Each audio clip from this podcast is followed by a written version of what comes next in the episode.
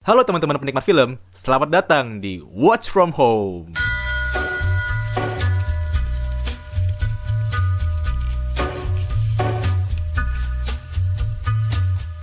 Masih ditemani de- dari dua sinetfil yang cukup snob. Oh, Giki, iya. Movie freaks, Iya, Giki updates. Gue tapi gue tapi menolak disebut sinetfil tuh. Karena Karena gue cuma orang biasa yang suka nonton film. iya, sama gue juga itu kayak di episode lalu dah. Iya, nggak Diulang. apa-apa. Ini ini tuh butuh penegasan. Soalnya kita tuh bukan snob, kita hanya orang suka nonton film. Betul, dan referensinya juga terbatas. Yo, iya.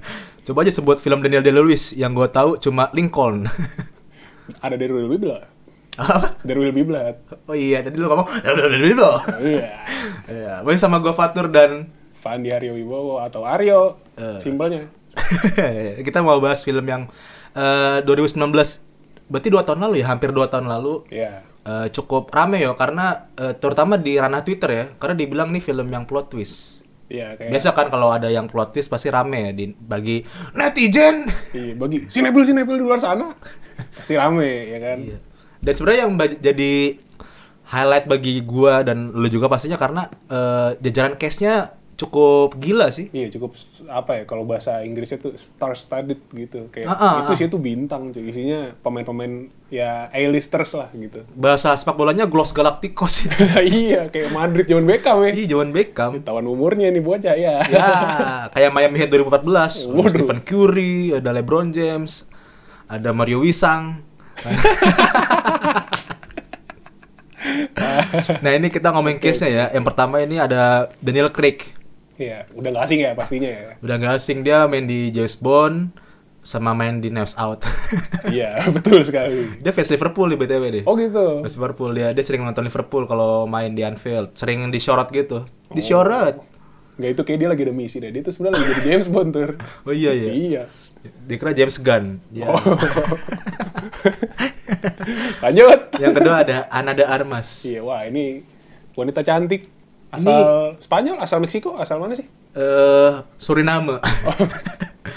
ini gue tahu dia ini apa karena setelah main film Knives Out tuh dia rame diberitakan pacaran sama eh siapa yang main Batman? Eh, Ini Ben Affleck. Ben Affleck, iya. Iya. Dan dia nongol di film Yesterday.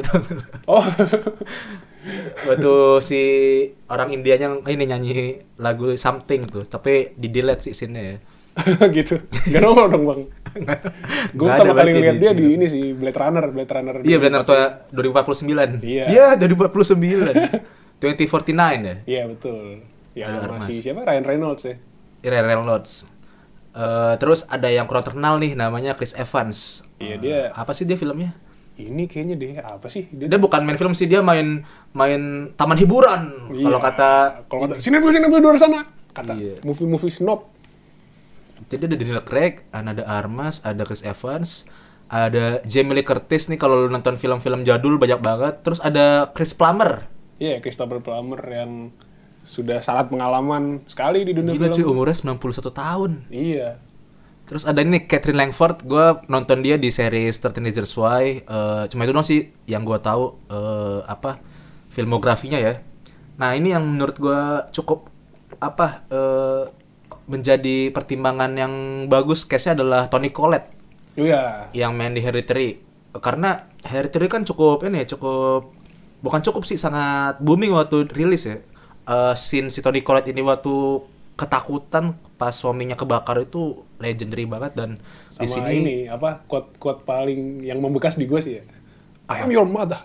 Waduh Itu yang di meja Iya, makan, Pak. Wah. anjir itu parah. merinding banget tuh gue Iya. ya di sini Tony Collette main gue kira dia bakal spesialis film-film horor kan terus ada Michael Shannon eh, ada Don Johnson dan lain-lainnya yang Ada Lucky Stanfield juga yang oh ini ada Ricky kita tahu. ada Ricky Lanham nih beberapa kali gue suka lihat di seri-seri gitu lah Oh iya, Lucky Stanfield bisa kita lihat di oh Uncut Games. Ah, ah, benar, Yes, benar, Dia benar. main di Uncut Games. jadi ini jajaran case-nya sih menurut gue udah gila banget lah Mm-mm. untuk film keluaran 2019 yang banyak banget orang-orang menantikan film Avengers waktu itu yuk Iya. Endgame kan ternyata sebelum itu ada Chris Evans sudah main duluan di Knives Out Knives atau Knives bacanya Knives. Knives Nice. Jadi kalau ada konsonan ada dua. Ya, ini ilmu-ilmu hari ini ya. iya Konsonan kalau ada dua, yang dibaca yang kedua aja. yang keduanya iya. oh gitu oke oke berarti ada ini ya ada itgomnya ya. Betul. Ada tajwidnya ya. Dan ini film ini disutradarai oleh Ryan Johnson. Gue sebenarnya kurang tahu sih filmografinya dia sebelum nonton Knives Out ya. Tapi setelah gue riset ternyata filmnya cukup familiar ya kayak Star Wars The Last Jedi sama Rogue One ternyata dia ini Rogue One kok Rogue One. Iya, Looper juga gua gua belum nonton Oh, sih, nonton tapi Looper. Pernah denger sih Looper. Terus ada Oh, mau ada Knives Out 2? Knives Out. Oh iya ini bakal ada Iya, Knives Out mau- mau ada 2 Knives Out juga. 2 sih. Mungkin ini ya bakalan soalnya ini kan film misteri yang non ini ya, non novel ya. Hmm. Jadi benar-benar naskah alami dari Ryan Johnson. Jadi menurut gua sequel hal yang sangat lumrah sih. Ya yang nulis dia gitu. Iya, jadi kayak nggak nggak diada-adain gitu ya. Ah, ah, ah. Biasanya tuh kan kalau film kalau film misteri kan biasanya dari bukunya Hitchcock lah Hmm. atau dari siapa lagi ya? Ya itulah gue lupa tuh nama-nama penulis-penulis misteri. Cuma ini ya yang menjadi perhatian karena penulisnya original dan kayak Nightcrawler juga nih di 2020 dapet ini penghargaan Academy Awards buat naskah asli terbaik juga. Berarti apa screenplay ya kalau itu ya? Screenplay. Iya, best screenplay juga Naskah nih. asli itu iya nggak sih? Iya iya benar-benar best. screenplay ya? Eh iya original ya. Original, Original screenplay, ya, screenplay. bukan adaptasi ya. Iya. Emang menurut gua bagus sih rapih gitu kan. Eh, penulisannya dari karakter-karakternya juga karakternya jelas gitu nggak ada yang nanggung jadi si Ana Darmas kayak gini. Iya, Nah, dia- ini kita dia masuk di- mulai masuk ke cerita nih. Oh ya, plotnya ya. Plotnya jadi ada sebuah keluarga besar ya, keluarga besar yang tinggal di sebuah istana. Bukan keluarga sih, jadi Kayak, du- iya. itu sebenarnya ditinggal sama satu, sama satu orang doang.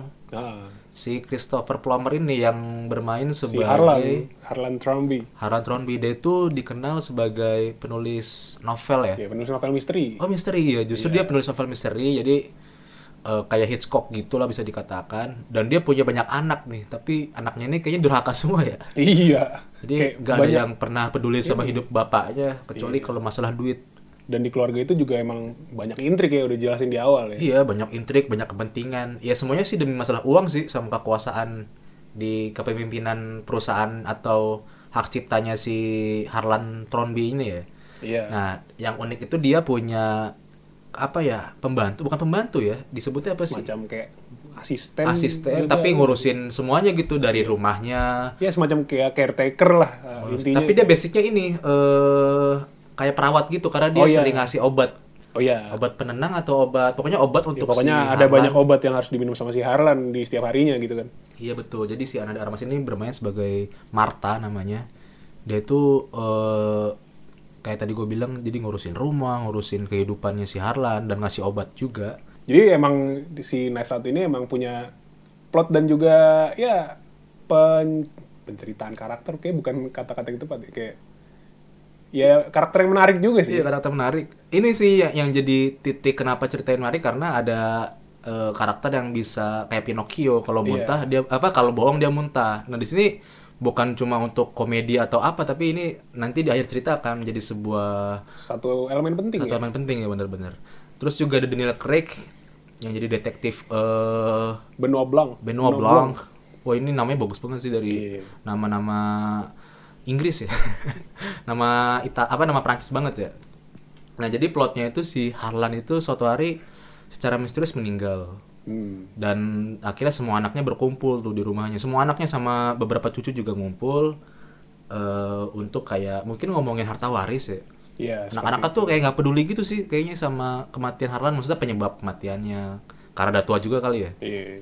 Tapi ternyata si detektif Benoit Blanc ini datang ke rumah itu karena ada indikasi Harlan ini dibunuh Hmm. sama salah satu anak atau cucunya yang datang di di di rumah itu ya untuk kepentingan warisan mungkin atau kekuasaan atau apalah. Nah, di sini titik serunya karena si Benoit Blanc ini adalah detektif independen dia.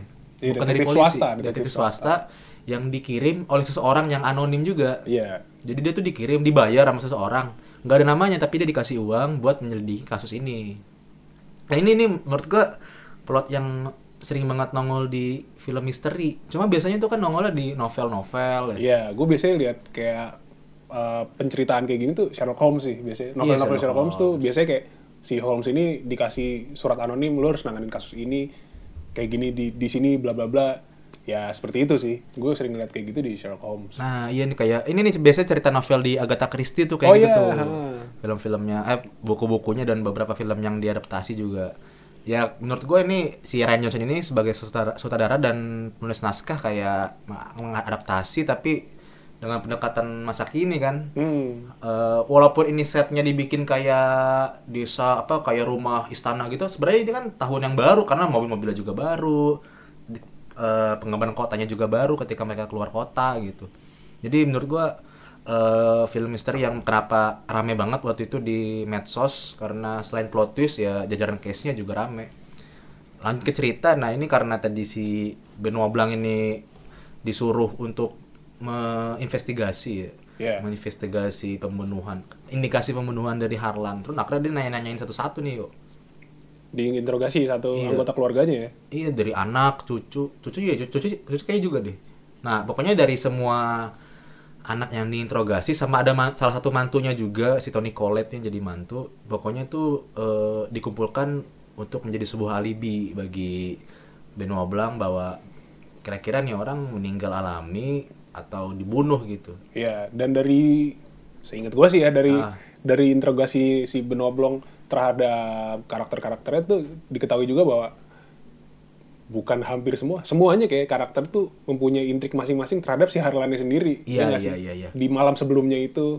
Iya karena sebelum oh iya ketika malam Harlan ini meninggal seluruh keluarganya emang lagi pada kumpul di rumah itu Nah, ya. iya, betul. Lagi ada acara keluarga mungkin eh, jadi pada ngumpul dan bener-bener ketika besok paginya udah meninggal si Harlan makanya eh, di situ semuanya diwawancara oleh apa diinterogasi oleh si Benoit Blanc dan tadi kayak lu bilang semuanya punya alibi, punya intrik mengapa mereka itu kira-kira bisa dijadikan indikasi untuk membunuh bapaknya sendiri.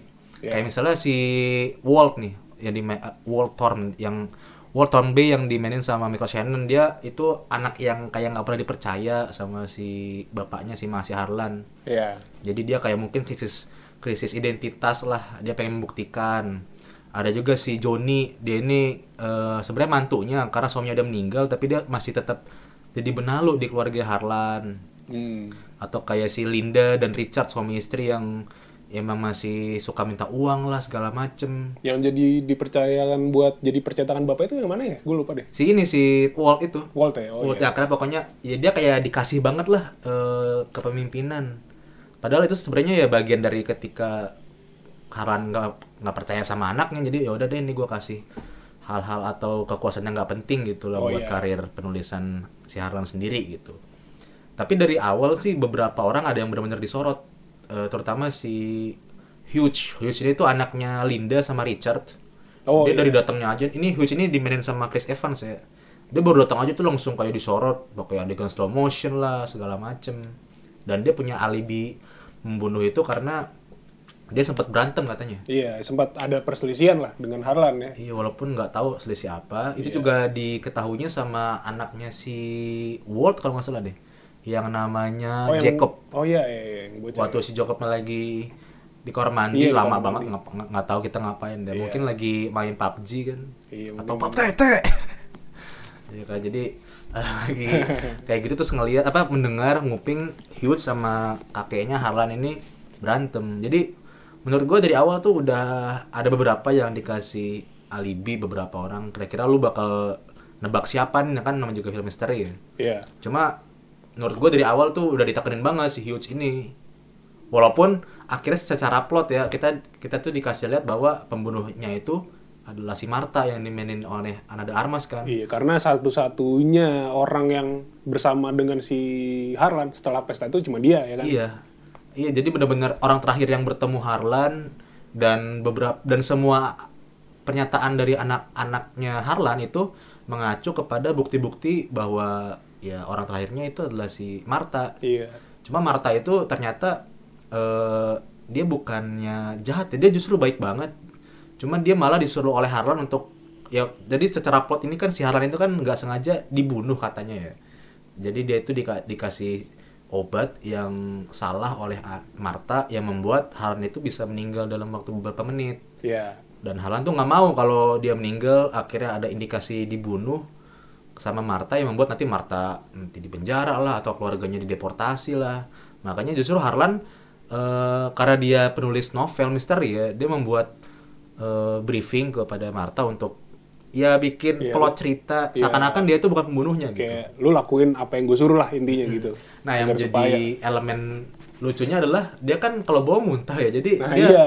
harus menjaga itu gitu. Gimana ketika dia harus berbohong apalagi sama Benoit Blanc yang pasti sering interogasi orang. Nah, dia harus tahan muntah. Itu sih yang menurut gua serunya di situ. iya jadi elemen menarik ya makanya Jadi kita pada awal kita mengikuti bagaimana Martha ini harus bisa eh, lolos dari pembunuhan itu. Jadi kita Betul. kayak dibawa oh berarti si Martha ini adalah protagonis yang jahat gitu. Walaupun akhirnya di tengah-tengah sampai akhir film banyak bukti-bukti baru ya. iya banyak eh, pe- penemuan-penemuan bukti baru sih yang diperlihatkan di filmnya gitu Iya, terutama si Hughes ini yang tadi gua singgung.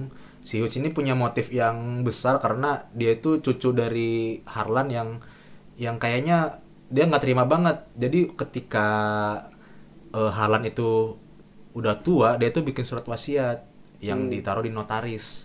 Surat wasiat itu dia bilang bahwa eh, semua harta kekuasaan, semua harta yang dia miliki itu jatuhnya bukan ke anak-anaknya, tapi ke eh, Marta, yaitu seorang asistennya dia kan. Padahal dia nggak punya hubungan darah nih sama si Harlan. iya Nah ternyata hal itu tuh sudah diketahui oleh Hughes. Itulah yang ternyata membuat Hughes sama Harlan itu berantem di malam itu. Nah itu yang membuat akhirnya Hughes marah-marah dan ya punya motif untuk membunuh. Walaupun itu nggak diceritain ke Benoit Blanc. Benoit Blanc sih kayak memantau sendirilah. Ya namanya juga detektif kan. Ya pokoknya secara cerita akhirnya ending-endingnya eh, kita dikasih banyak bukti lah kalau yang jadi pelakunya itu adalah Hughes karena ya dia tadi nggak terima kalau harta semua harta warisannya itu jatuh ke Marta walaupun nanti semua keluarga juga nggak ada yang terima sama Iya. keputusan surat wasiatnya si Harlan kalau masa semua harta warisannya benar-benar semuanya literally semuanya dikasih ke Marta yang nggak punya hmm, hubungan darah tapi karena Marta ya orang yang paling disayang sama Harlan gitu orang yang paling nemenin Harlan secara tulus Iya, dan mungkin Harlannya juga udah tahu ya kalau emang anggota keluarga yang lain tuh ya udahlah you're here only for the money gitu ya. Iya betul. Jadi ya udah akhirnya surat wasiat itu dan itu yang membuat motifnya si Hughes ini eh, membunuh Harlan dengan intrik-intrik yang seru deh yang bakal lu saksikan kalau nonton. Susah kalau diceritain ya bagaimana cara dia membunuh segala macem. Iya, Tapi emang bisa karena- dijamin banget sih ini fresh banget ya. Iya, karena emang ya ini film yang bisa dibilang apa ya film yang enteng tapi kompleks gitu. Enteng tapi kompleks Enteng tapi kompleks. Jadi lu bisa nonton ini cuman ya udah ngikutin aja, lu nggak usah mikir bisa. Tapi kalau lu mau mikirin juga seru gitu. Bisa dibilang seperti itu. gue nonton film ini enjoy dialognya juga santai gitu bukan yang kayak sentral di setiap dialog yang kalau lu miss beberapa kalimat tuh lu bakal ketinggalan cerita enggak ini film yang santai tapi untuk orang-orang kenapa ini viral banget ya karena itu punya kadar plot twist yang cukup lah menurut gue cukup banget Iya. Oke, jadi film ini juga kalau kalian pengen watch from home, film ini bisa ditonton di Prime Video. oh udah di Amazon Prime ya Iya, ada di Amazon Prime Video dan juga kayaknya ada di Netflix tapi di beberapa negara dong sih kayak. Nggak tahu kalau di Indo kayak nggak ada deh. iya gue eh, tadi cek Netflix Indonesia nggak ada pernah ada mungkin ya tapi udah hilang di server Indonesia Iya, cuman kalau dari hasil dari penelusuran kita sih net apa Netflix lagi. Knives Out bisa ditonton di Amazon Prime. Amazon Prime Betul. Bisa register kalau kalian punya kartu Perdana Tri, kalian bisa beli paketnya dan bisa langsung nonton di Amazon Prime. Iya, jadi enak Gitu. banget nonton Knives Out sambil makan tahu kriuk, yes. Oke, jadi video kali ini kita punya sponsor ya. Jadi sponsor kita pada episode kali ini adalah Tahu Kriuk Yes. Tahu Kriuk Yes, tahu yang crispy, tahu yang sangat-sangat gurih, membuat hari kalian menjadi lebih menyenangkan. Ada juga sponsor yang yang pasti lu enak banget nih kalau lu nonton film minumnya kopi, and Iya, TV kan. betul. Wih. Ada dari Mr. Coffee, kopi yang nggak bikin ngantuk. Iya, betul. Kopi nggak bikin ngantuk, bikin deg-degan, dan bikin hari kalian jadi lebih menantang, yang pasti. Nah, jadi Mr. Coffee ini punya fitur yang sangat-sangat berguna ya. Jadi, jadi dia datang dengan cupnya ya. Iya, Jadi, cup. Dengan cup. Nah, cup ini tuh, wah ini, Ini coba cup. coba kalau di video ini bisa kelihatan ya. Jadi Ini cup kertas ya kita iya, ini cup kertas. Ini kayak salah satu pertama di Asia Tenggara kayaknya yang Ah, punya inovasi kayak gini. Asia Jadi- Pasifik bahkan. Oh iya betul. Jadi dia punya fitur di mana bisa ada sebuah kayak ini kayak semacam ada sesuatu yang menempel. Nah, ketika kalian cepat plek nah itu tuh dia jadi pegangan cuy Jadi ini kayak sayap bentuknya sayap kupu-kupu. Iya, kayak sayap Tapi kupu-kupu. pas kita buka sayap kupu-kupunya ini jadi kayak cangkir. iya jadi kayak kayak pegangan cangkir Jangan cangkir. Jadi kalau lo pegangan. minum ya lu nggak bakal ngerasa kepanasan. Kalau Iya. kopi kan suka enak tuh panas-panas. Eh, apalagi ada tahu kriuk yes. iya Minumnya Dan di- minumnya Mr. Coffee. Tahu. Mr. Coffee datang dari dalam berbagai varian ya, ada biji kopi Gayo, ada biji kopi eh, Ijen dan segala macam ya. Mr. Coffee. Tapi Dan yang paling penting kopi ini nggak bikin ngantuk. Oh iya betul. Iya. Bikin ngantuk dan bikin hari-hari kalian menjadi lebih menantang. Oke, jadi itu dari sponsor kita ya. Terima kasih kalau Click Yes dan Mr. Coffee.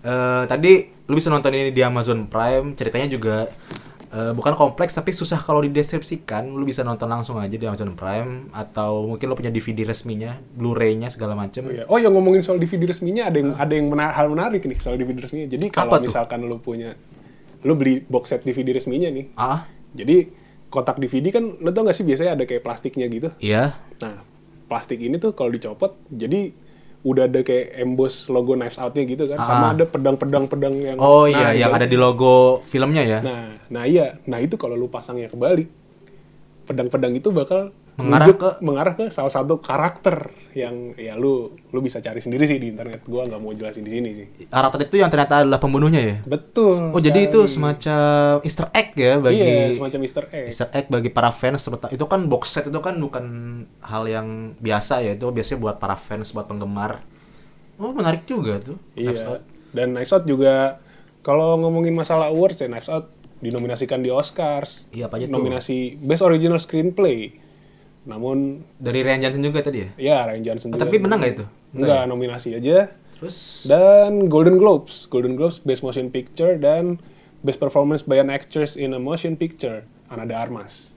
oh ini juga ini kayaknya si Dan aktornya oh juga iya, nih Daniel uh, Craig Best Performance by an Actor, Daniel Craig. tapi nomini doang itu ya Ini bukan juara doang, ya iya, kayak dia nggak ada. BAFTA juga dia Best Screenplay juga. ya gimana ya di tahun 2019 itu filmnya lagi gila banget sih Iya. Emang setiap tahun gila, cuma di tahun itu ya lu ada yang gue inget ya untuk nominasi film-film yang benar-benar banyak di kategori itu ada The Irishman, Oh, iya. ada 1917, ada Joker, nah Joker itu kan ada Oh, yang- iya, Joker. sama Parasite.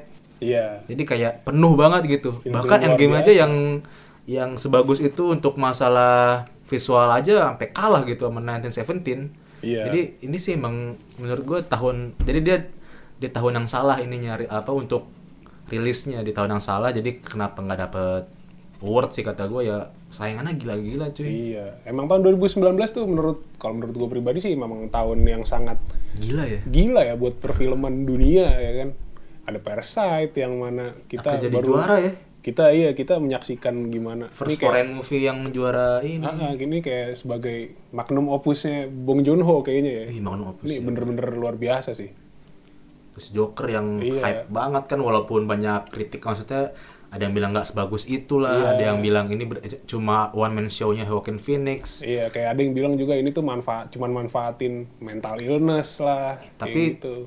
ya honestly Joker ya one of the best movie in 2019 menurut gue ya betul, iya, gue setuju sih. apalagi 1917 itu mungkin salah satu film terbaik yang pernah gue tonton karena experience nontonnya tuh kayak ya POV lu mengikuti aktor utamanya lah jadi menurut gue Knives Out ya apa tadi kata lu kena snap Iya, enggak enggak tapi sebenarnya. kalau dia mah enggak ya gue gue bisa bilang itu nggak kena snap sih. nggak kayak Karena- ya nggak kayak Iya. Nightcrawler ya beda ya Karena kayak mungkin ada faktor di mana karakternya banyak ya. Jadi Hmm, banyak yang harus dieksplor dan juga gak ada yang bener-bener sangat menonjol gitu. Gue bilang sih nggak ada. Kecuali Gitu. Ana de Armas doang paling ya karena emang dia dari awal diceritain itu ya diceritain Iya. sebagai orang yang kayak Pinocchio gitu sisanya punya kadar yang sama kayaknya sih Iya, kalau kalau di snap gue gue nggak sih menurut gue nggak sih.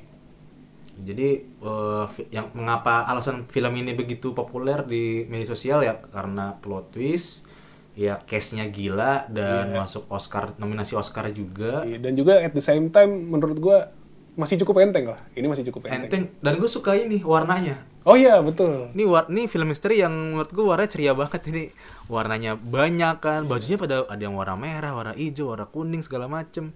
Biasanya kita ngelihat film-film misteri gitu kan gelap-gelap lah tonnya dan segala macem. Nah ini ya terang gitu jadi kita nontonnya ya family friendly juga kan nggak ada nggak ada adegan gore gitu adegan yang kayak bikin anak-anak ketakutan juga enggak menurut gue sih enggak seinget gue dialognya juga asik apalagi aktor-aktor itu gue suka banget sama ya itu kan di tahun yang sama Endgame rilis ya bagaimana orang-orang udah terpatri banget bahwa Chris Evans is Steve Rogers is Captain America. Captain America. Dan di sini dia jadi orang yang bener-bener beda gitu. Jadi ketika lo nonton Knives Out terus nggak lama nonton Endgame kayak wah ini orang keren banget sih actingnya. Iya, range-nya sangat luas ya bisa dibilang ya. Enggak enggak sangat luas, cuma luas lah, luas. Luas, luas. Ada trivia juga nih. eh ini Ana de Armas sama Daniel Craig ini kayak kata orang sih pemanasan sebelum mereka main film bareng lagi di 2021 atau 2022 ya.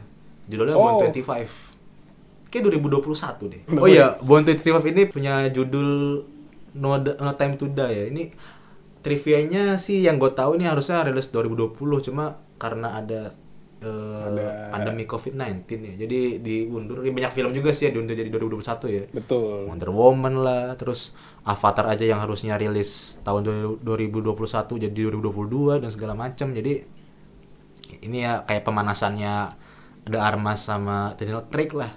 Iya. Dan bagi gue di situ chemistry-nya lumayan dapet lah. Iya, betul dengan ditambah juga di nanti di No Time to Die diisi oleh soundtrack dari Billie Eilish juga menurut gua bakalan kayak Oh iya ya. Iya, cuy. Wah, wawasan lu luas juga anjir. Gue baru inget iya bener, Kayaknya bener, bener, bener. dia salah satu kayak dia penyanyi pertama yang bukan orang Inggris ya yang, ngisi Bond ya soalnya setahu gua Iya, iya, dari kemarin-kemarin tuh kayak Ad- kayak Adele ya kan. Terus siapa tuh yang laki-laki itu Sam Smith? Dia Inggris ya? Iya Sam Smith Inggris. Inggris. Kayak penye- orang pertama yang orang Am- Amerika ya yang ngisi soundtrack film Bond Oh iya iya. gitu. Oh iya, ini kalau trivia dikit kalau Band 25 itu yang main ada Daniel Craig, ada Rami Malek tuh. Oh, iya. Mantan yang pernah jadi apa eh, juara di Bohemian Rhapsody jadi aktor terbaik. Ada The Armas, ada Lia Sedox. Baca gimana Lia Seda? Oh, gue kurang kurang Iya, pokoknya ini tahu ini ya. sering gue tonton juga si Lia Sedox sama Lash Lashana Lynch. Ini kalau nggak salah eh, film terakhirnya Craig juga deh. Jadi Oh iya, jadi Bond ya? Bond ya. Karena abis itu bakal ada ya biasa James Bond kan setiap beberapa dekade ganti aktor ya. Jadi menurut gua eh, Ryan Johnson ini mengambil case yang bukan Ryan Johnson sih, bukan Ryan Johnson tapi eh, ininya ya, divisi castingnya ya. Castingnya, betul. Iya, pas banget soalnya kalau so- kalau nggak ada dia tuh mungkin ya bisa aja yang mainin kayak Johnny Depp. Gue sih yakin banget pasti ada Johnny Deppnya nih. Iya. Tapi yang main justru menurut gua apalagi Tony Collette sih gue yang bener-bener outstanding menurut gua Tony Collette karena beda banget di situ dari Hereditary Iya. yang nyerem. Di sini justru bisa dibilang lucu sih kalau kata gue supportingnya banyak banget berarti ya karena tokonya sangat banyak. Nggak sangat banyak banyak lah ya. Banyak banyak ya. Jadi ya ya kalau lo mau nonton bisa nonton lagi di Amazon Prime atau lo punya DVD tadi box setnya yang bisa lo beli juga di kanal-kanal atau di Di e-commerce, e-commerce. di e-commerce e-commerce Eh, jadi itu aja episode kali ini untuk kita nge-review Knives Out yang ratingnya juga bagus di IMDb 7,9 kita rekomendasi film ini sebagai film misteri yang cukup enjoyable dan plot twist. Betul sekali. Itulah yang dicari oleh para sinefil, sinefil di Twitter.